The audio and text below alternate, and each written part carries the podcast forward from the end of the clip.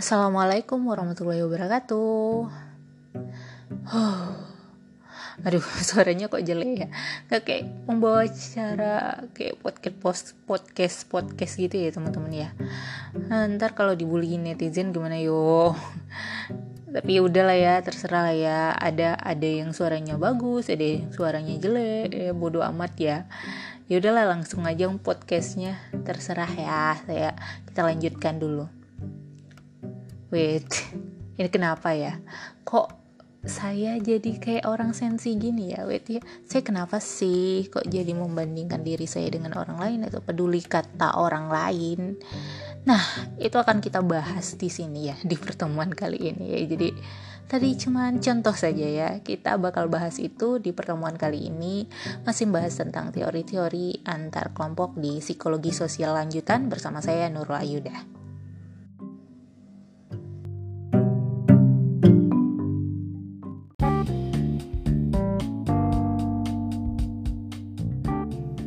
Yuhu, balik lagi dengan saya Nurul.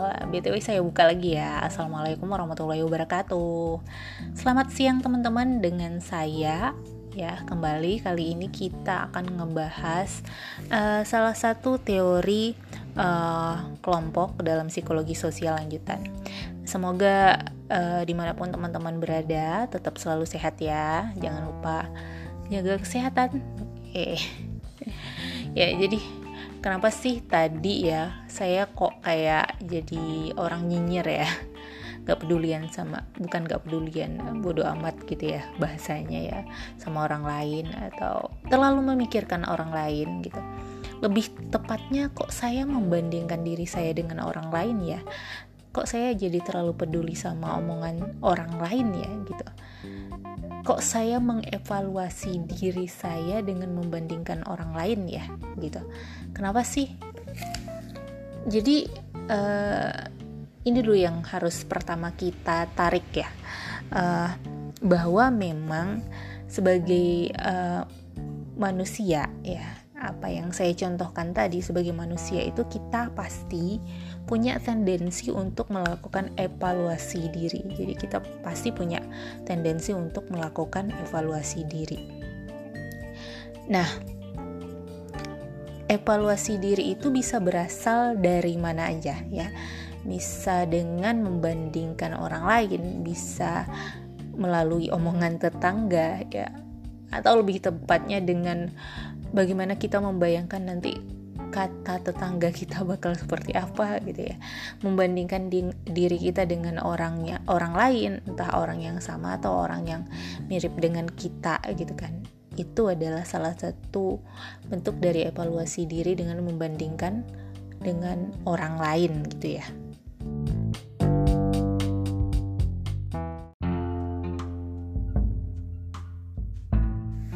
Oke, coba sekarang teman-teman bayangin, ya hanya bayangin aja kan gitu ya. Uh, kalau seandainya kita ketemu sama orang yang gak mau dievaluasi gitu ya, ya ke uh, seperti yang saya bilang tadi kan, semua orang punya tendensi untuk melakukan evaluasi diri. Jadi kalau misalnya ada orang yang gak mau mengevaluasi diri, misalnya dalam hal penampilan dari dia mau motong rambut atau enggak gitu ya rambut rambut gua apa urusan lu? Gitu kan ngomongnya kayak gitu. Ya ya udah sih gitu. Pelihara aja rambut lu sampai mati ntar gitu ya. Mau sepanjang apa coba gitu ya. Eh kok saya jadi emosi ya? Ya itu itu itu kan kalau nggak mau dievaluasi ya kalau nggak mau dievaluasi ya setidaknya pasti bikin orang gendek gendek ya jengkel gitulah tapi itu buat lucu-lucuannya. Dan ya orang itu ketika dia nggak mau dievaluasi tidak mau melakukan evaluasi diri gitu ya ya dia kan gitu-gitu aja sampai sampai mati ya kayak gitu-gitu aja gitu ya. Kan ya nggak lucu gitu. Boleh sih teguh pendirian tapi bukan berarti keras kepala dan keras kepalanya gak gitu juga gitu. Nah ini yang akan dibahas uh, di sini kok saya ngulang kembali ya? Maksudnya gini evaluasi diri inilah yang akan menghantarkan kita pada perbandingan sosial yang kita bahas pada pertemuan kali ini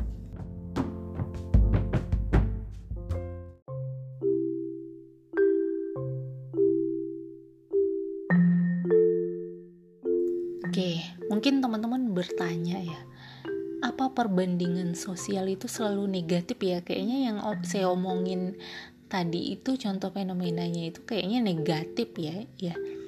Nah uh, oke okay, ini disclaimernya dulu ya. Bahwa seperti yang saya sebelumnya bilang kita kalau belajar teori psikologi sosial tuh memang ya akan ada positif sama negatifnya.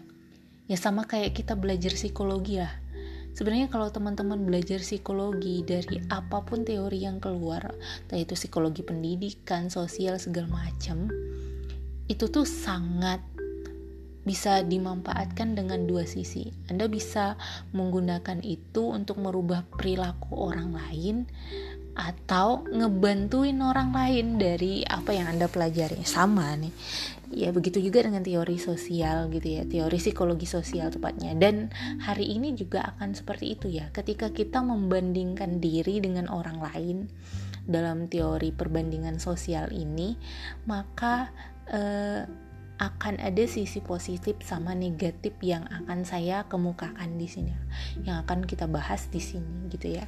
Dan kenapa itu bisa terjadi kenapa jadinya negatif kenapa jadinya positif juga akan coba kita bahas di sini ya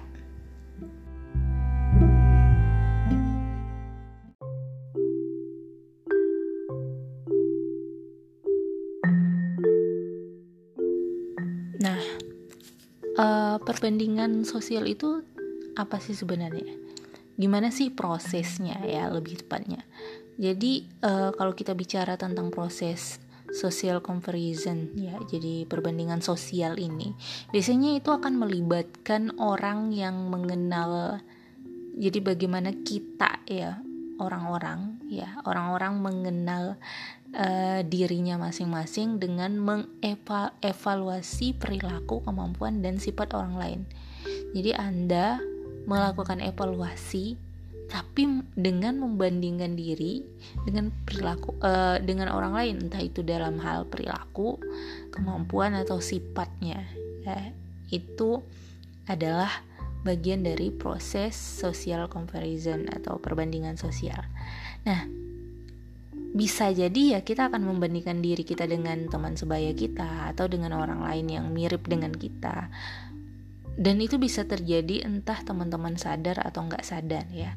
Jadi uh, itu dilakukan bisa dalam tanda petik dalam tanda petik sadar atau tidak sadar. Nah kalau udah tahu ilmunya nanti kan sebisa mungkin dilakukan dengan cara yang sadar ya karena udah tahu ilmunya. Dan sorry uh, perbandingan sosial ini itu akan terus selalu akan berkembang sepanjang masa ya. Jadi sepanjang hidup dia akan terus berkembang dan terus uh, disesuaikan dengan kapasitas bagaimana pengalamannya teman-teman, pengetahuannya teman-teman, uh, apa ya, mm, ya pengalaman dan pengetahuan, kemudian keilmuan teman-teman gitu ya. Dan secara konteks ya karena dia bicaranya tentang perbandingan tanda petik sosial, maka itu akan melibatkan dengan orang lain dan lingkungannya. Nah, intinya ringkasnya seperti itulah ya perbandingan sosial. Nah, perbandingan sosial itu sendiri ada uh, beberapa teori ya.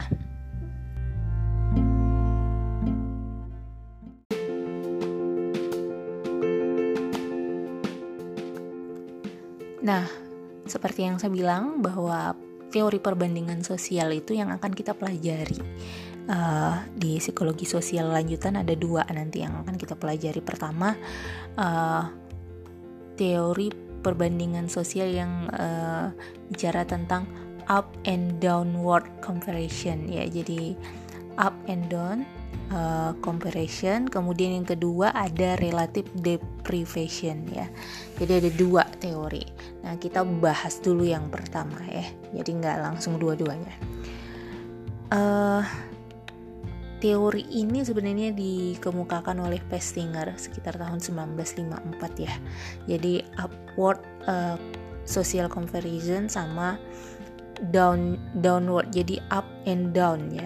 Jadi perbandingan sosialnya up and downward gitu ya.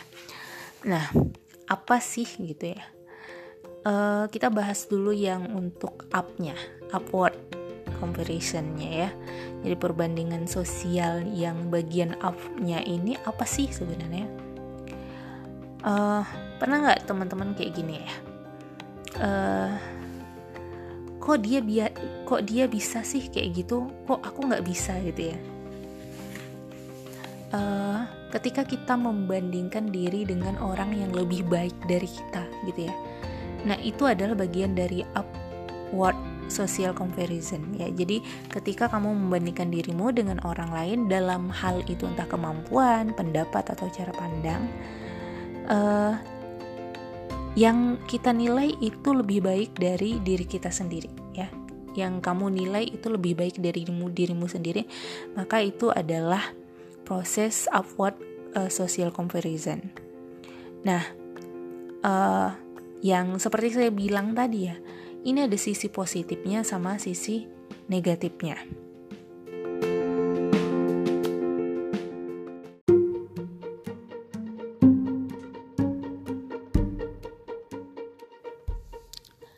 Dalam hal positif ya, jadi upward yang positif ini biasanya contohnya kayak gini lah ya. Uh, pernah nggak satu ketika teman-teman lihat uh, orang yang lebih baik dari teman-teman ngelihat orang-orang yang sukses misalnya sajalah dalam hal eh, kok bisa ya dia ngerjain tugas itu? Kalau dia aja bisa masa aku nggak bisa? Nah gitu loh. Jadi ada evaluasi uh, terhadap orang lain itu memang mereka lebih baik dari kita ya.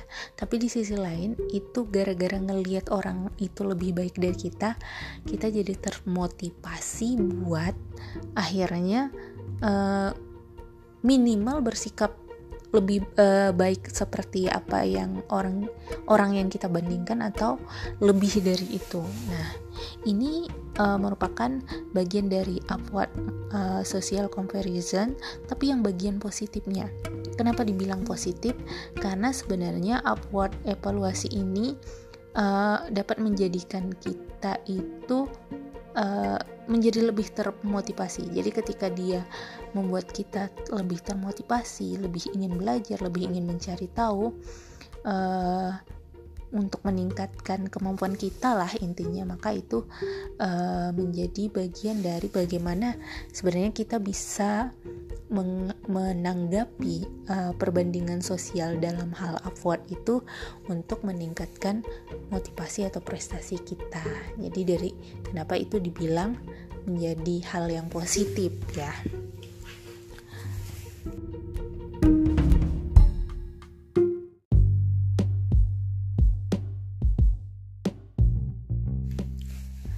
Nah, kita lanjut. Sementara yang kedua gitu ya ada yang uh, apa ya sifatnya lebih ke arah negatif.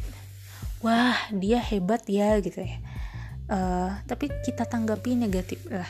Orang hebat ya ya nggak apa-apa gitu. Uh, jangan ditanggapi negatif jangan kayak uh, orang nyinyir kayak ibu-ibu tetangga yang gosip yang suka gosip gitu ya. Dan akhirnya menanggapi ke keberhasilan orang lain dengan rasa iri envy gitu ya. Nah ini biasanya yang self esteemnya rendah nih. Nah itu uh, pada akhirnya kalau seandainya teman-teman melakukan upward uh, social comparisonnya ini dihadapi ditanggapi dengan negatif maka akan uh, dan negatifnya itu dalam artian tanda petiknya berlebihan ya. Maka itu akan membuat uh, apa ya teman-teman ngerasa menjadi tertekan nanti kemungkinan ada kayak resah cemas depresi gitu dan akhirnya menum menumbuhkan uh, imperioritas. Jadi ngerasa lebih inferior dibanding orang lain.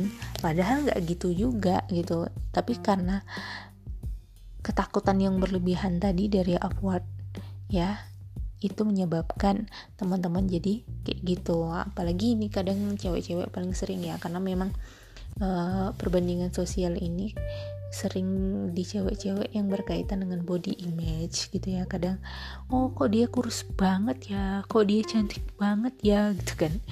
Itu kan membanding-bandingkan. Terlalu sering itu kan pada akhirnya inferior ngerasa kita nggak secantik orang lain itu kita nggak nggak nggak sekuyus orang lain sekuyus saya ya gitu. Gitu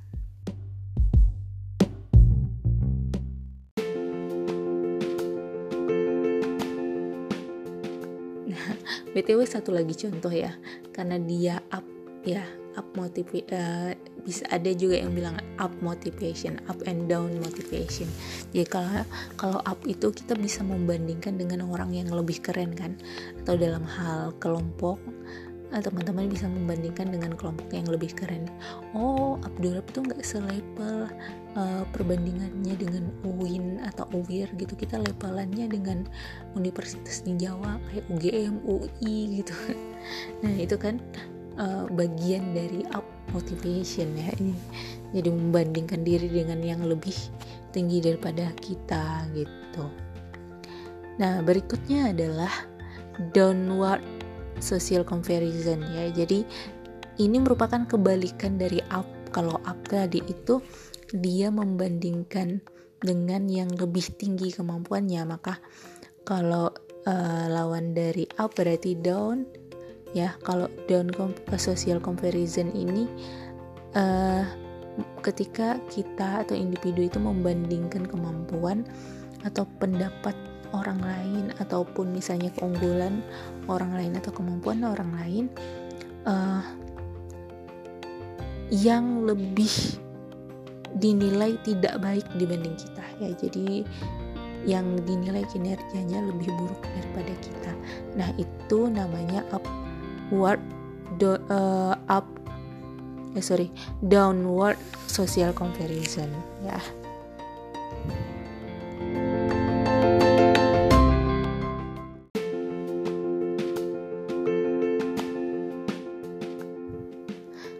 contohnya misalnya ada kegiatan kayak ke kejadian kayak gini misalnya.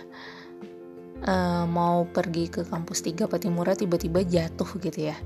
Kalau kita pakai downward comparison hmm, untunglah cuman jatuh doang untung nggak mati gitu kan. Jadi itu kayak kita membandingkan sama keadaan yang lebih jelek atau orang yang lebih jelek kemampuannya.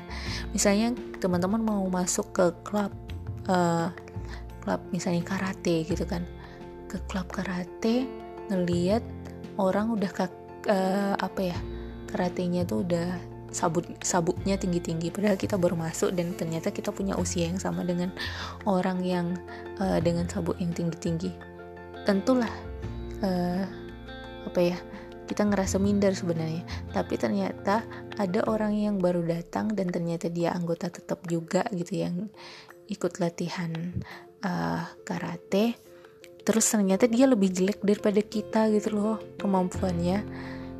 Ya udah akhirnya kan berarti menjadi downward comparison ya menjadi uh, kemudian teman-teman akan termotivasi untuk lebih bagus lagi karatenya gitu kan. Nah itu namanya uh, bagian dari teori perbandingan sosial yang downward. Nah tapi ini kan yang seperti saya bilang ya ada dampak negatif dan positifnya bisa kita jadikan pandangan positif atau pandangan negatif gitu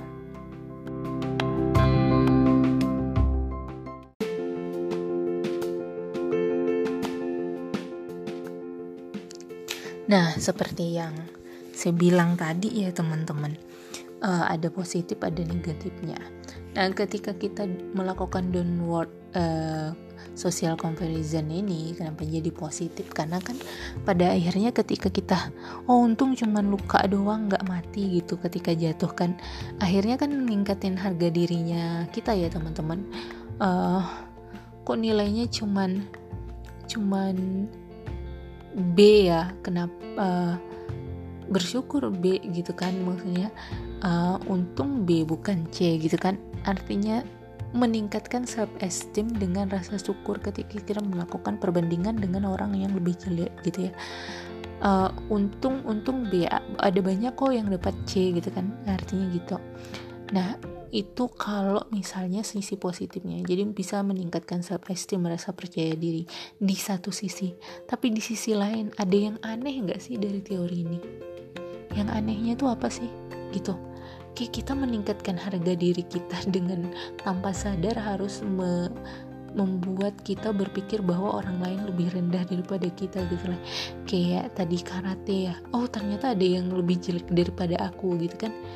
Kayak memang uh, oke okay, kita ningkatin harga diri tapi kita pada akhirnya itu menjelekkan orang lain dengan tanpa sadar ya maksudnya itu walaupun itu sebenarnya bagian dari perbandingan sosial ya. Kita, uh, saya bilang tadi ya perbandingan sosial itu bisa secara sadar ataupun tidak sadar.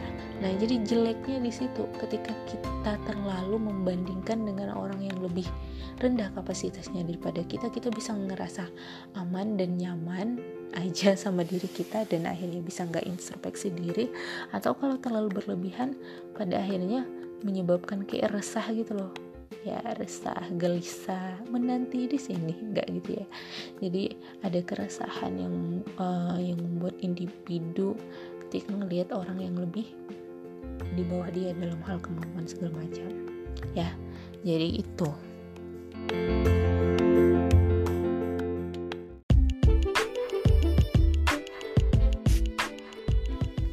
Nah, sebagai tambahan sebenarnya kalau kita bicara up and downward social comparison ini dia nggak kebatas sama gender ya. Walaupun tadi ada contohnya itu lebih banyak akan lebih banyak biasanya kayak cewek ya. Nah, karena cewek ini sensitif ya dengerin omongin tetangga gitu ya.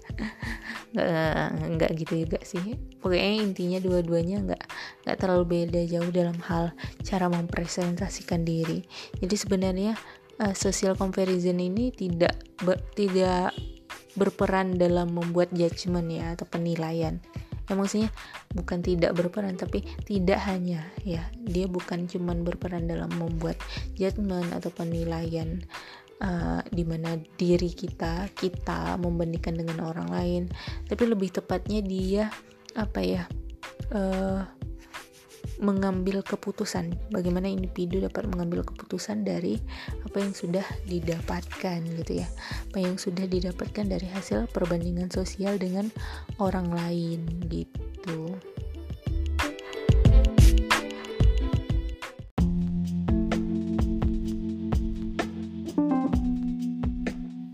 Ya sebagai tambahan lagi gini kalau berkaitan dengan self esteem sendiri biasanya orang yang punya self esteemnya rendah mereka akan lebih memilih untuk meningkatkan motivasi itu dengan uh, apa ya membandingkan diri dengan yang lebih lebih tidak beruntung dibanding dirinya. Jadi membandingkan diri dengan ke posisi bawah gitu ya.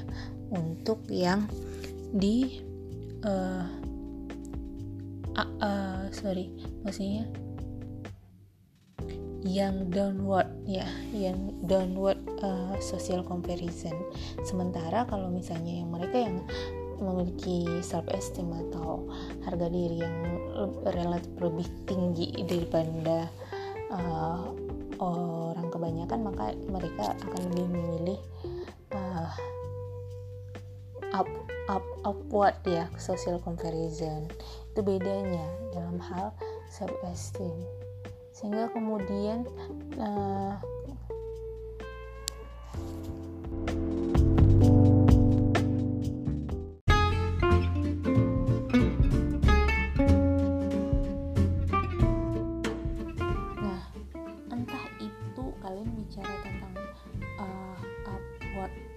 motivation atau downward motivation sorry maksudnya upward comparison atau downward comparison. Jadi walaupun kita bicara tentang keduanya ada sisi positif sama negatifnya. Pada akhirnya uh, kita akan berakhir di pilihan comparison with similar similar ya similar other. Jadi kayak kita akan lebih memilih untuk mem membandingkan diri dengan orang yang setara sama kita. Nah itu dilakukan buat apa? Supaya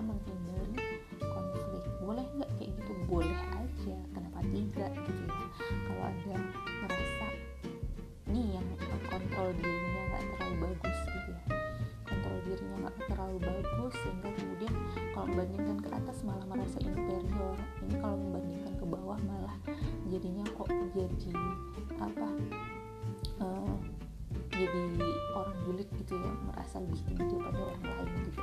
Nah yang bagus ya udah comparison with similar other gitu ya. Nah contohnya kayak mana? Kayak misalnya kayak gini lah ya. Uh, seringan kita dengar tuh ya kalau milih uh, suami itu yang setara setara. Dalam artian adalah satu frekuensi. Jadi kayak itu akan membuat anda tidak ke, tidak membandingkan diri anda dengan suami anda sehingga nanti rumah tangga akan terjaga gitulah. Istilahnya gitu. Dalam artian se, uh, apa ya ngomongnya nanti nyambung ya gitu. Kalau ngomongnya nggak nyambung akhirnya membandingkan ya ini orang kenapa sih? Gitu ya. Sebelum jadi suami jadi suami mau nggak mau kayak gitu. Harus menyetarakan diri. Nah gitu. Itu salah satunya pilihan kalau seandainya kita punya kontrol diri yang rendah gitu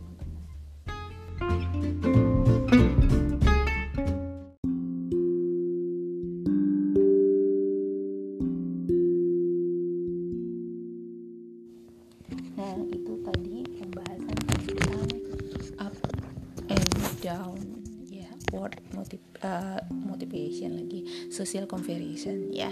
Jadi dari dua teori itu sebenarnya kita bisa ambil langkah buat evaluasi diri.